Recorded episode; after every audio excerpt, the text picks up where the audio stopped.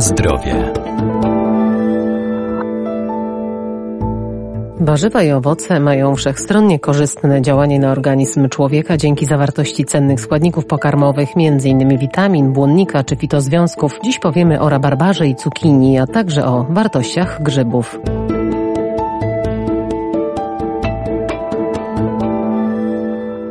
Warzywa i owoce działają odkwaszająco i oczyszczająco, zwiększają też odporność organizmu. Najlepiej spożywać je świeże, nieprzetworzone lub po niewielkiej właściwej obróbce. Na rynku mamy ogromny wybór. To m.in. cukinia, która ma wysoką wartość dietetyczną, zawiera duże ilości cukrów, witaminy C i karotenu, a jej owoce nie kumulują metali ciężkich, czy też rabarbar, źródło witamin i minerałów. Między innymi możemy nabyć cukinię, czy też kabaczek. Jest to to samo e, warzywa, chociaż można też znaleźć znaleźć informację, że cukinia jest w nieco wcześniejszym stadium e, dojrzałości, bez wytworzonej jeszcze komory nasiennej. Niemniej jest to to samo warzywo. Dr Wojciech Radzki, Wydział Nauk o Żywności i Biotechnologii Uniwersytetu Przyrodniczego w Lublinie. Jest to warzywo bardzo lekkie, niskokaloryczne, zawiera dużo e, kwasu foliowego oraz e, prowitaminy A.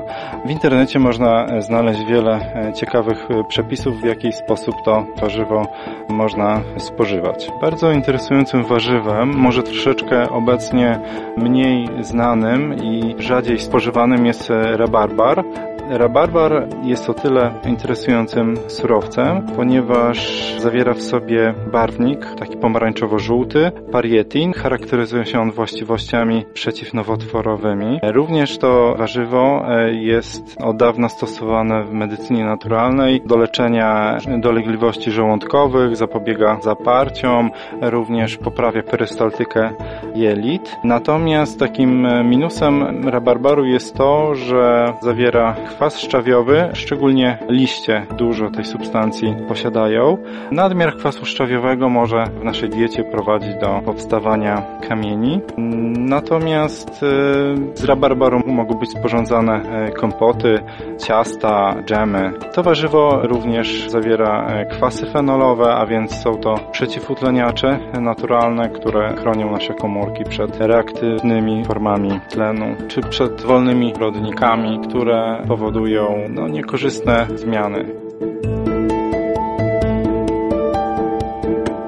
Na zdrowie. Warto do diety włączyć też grzyby, które wbrew powszechnej opinii posiadają nie tylko walory smakowe czy zapachowe, ale także wartości odżywcze, w tym związki aktywnie czynne wpływające pozytywnie na nasze zdrowie. Grzyby wbrew takim utartym stereotypom posiadają cenne właściwości odżywcze i dobrze byłoby je e, włączać do naszej codziennej diety. Grzyby cechuje to, że są niskokaloryczne, zawierają małe ilości tłuszczu, co więcej cechuje je wysoka zawartość błonnika pokarmowego, jak również są źródłem wielu witamin, na przykład z grupy B, ale istotne jest również to, że grzyby zawierają wiele związków aktywnie czynnych, a więc takich, które korzystnie wpływają na nasze zdrowie, mogą zapobiegać e, powstawaniu różnych chorób, czy nawet powodować cofanie ich. I tutaj warto wspomnieć przede wszystkim o takich wysokocząsteczkowych polisacharydach. Te związki e, znajdują się w ścianie komórkowej grzybów i można w zasadzie przyjąć, że wszystkie grzyby jadalne, które spożywamy, mają w sobie te polisacharydy. Do takich polisacharydów y, należą głównie, czy są może najbardziej znane, beta-1,3 glukany. To są takie wielkie cząsteczki składające się z podjednostek glukozy, trochę podobnie jak skrobia. Działają one przeciwnowotworowo, e, również e, wykazują aktywność przeciwwirusową. I tutaj to ich działanie związane jest e, z efektem takim polegającym na tym, że zwiększają naszą odporność, powodują to, że w naszym organizmie dochodzi do aktywacji e, komórek immunologicznych, limfocytów, makrofagów czy komórek dendrytycznych i w rezultacie powoduje to niszczenie komórek e, nowotworowych.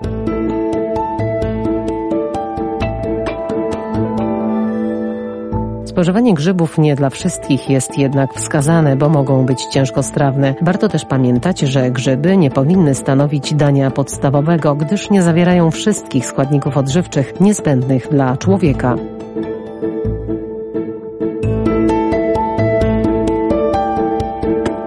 Na zdrowie.